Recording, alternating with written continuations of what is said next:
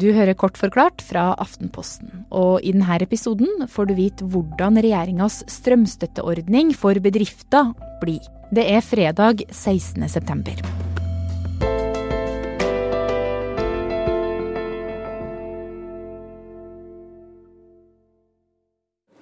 God eh, fredags eh, formiddag, eh, alle sammen. Og takk til dere som har møtt opp her, og ikke minst takk til dere som følger denne strømmen. Vi skjønner det er mange som er interessert i det vi skal legge fram. I morges så var det duka for en etterlengta pressekonferanse. Næringsminister Jan Christian Vestre fra Arbeiderpartiet presenterte nemlig hvordan strømstøtten for bedriftene blir. Og det er tiltak som også skal bidra på mellomlang sikt, og ikke minst bidra over tid til å bedre bedriftenes konkurransekraft og skape større forutsigbarhet og trygghet. Og det regjeringa gjør, er at de innfører en strømstøtteordning for bedriftene mot at bedriftene viser at de vil spare på strømmen.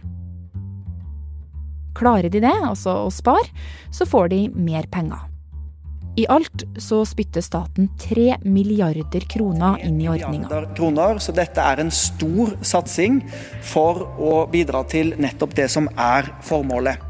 Det er likevel ikke alle bedrifter som får støtte. Ordninga skal gjelde for bedrifter der over 3% av kostnadene deres går til strømregninga. Det betyr omtrent 20 000 bedrifter. Et typisk bakeri har en strømintensitet på 4,1% De som driver hotellvirksomhet, restauranter, bibliotekene, museene, kulturaktørene, f.eks. butikknæringen. De som drifter campingplasser og eh, metallindustrien har en strømintensitet på 24,3 Så mange og ifølge Vestre så håper de at utbetalingene skal starte fra november. Og Mari Malm, du er journalist i E24. Hvordan skal dette egentlig fungere?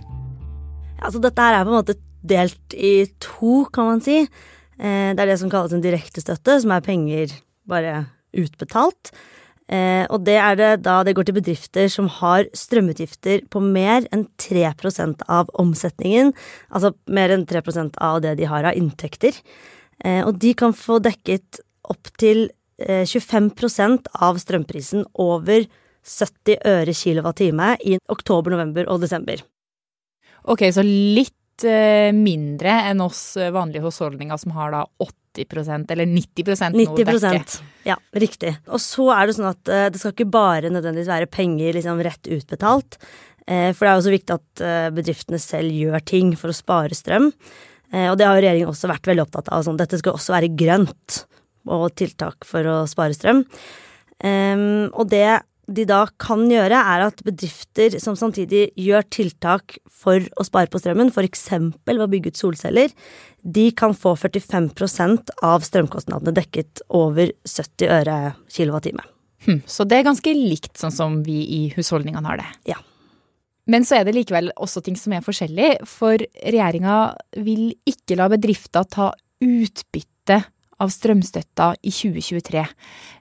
Hvorfor det? Altså, det gjør det jo for å unngå at store selskaper skal få støtte, og deretter f.eks. sende penger videre til eiere som tar utbytte. Og det var jo litt det man så under koronastøtten.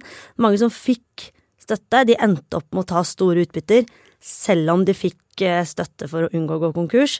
Og mange selskaper de gjorde det faktisk bedre i 2020 enn året før. Og mange kunne jo egentlig betalt tilbake støtten uten å gå i underskudd.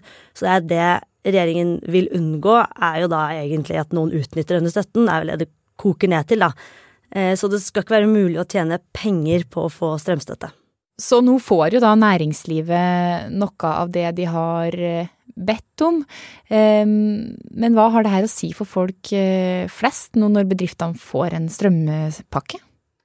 Altså, målet er annet at færre skal gå konkurs, og det sikrer jo arbeidsplassene til folk. Eh, og så er det jo sånn at når et selskap får støtte for sine økte utgifter, så kan det også føre til at det er mindre sjanse for at de putter disse kostnadene over på kundene og på oss forbrukere, f.eks. For av å øke ja, prisene. Og det har jo vært eh, veldig mye rabalder egentlig rundt strømstøtteordning til bedriftene ganske lenge nå. Eh, hvordan har reaksjonene egentlig vært da, etter eh, det ble klart nå hva som kommer? Altså, nå var det jo veldig sånn enighet på pressekonferansen med Vestre og LO, NO og Virke. Så er det jo, kommer reaksjonene fra opposisjonen, selvfølgelig. Det er jo SV. De har allerede sagt at det ikke er sikkert at de kan støtte dette, og at det kan være at dette ser annerledes ut når det skal, når det skal bli enighet. Mens opposisjonen har vært veldig opptatt av at uh, dette har tatt for lang tid. Uh, så får vi jo bare se hvordan det blir når det skal til Stortinget og diskuteres der.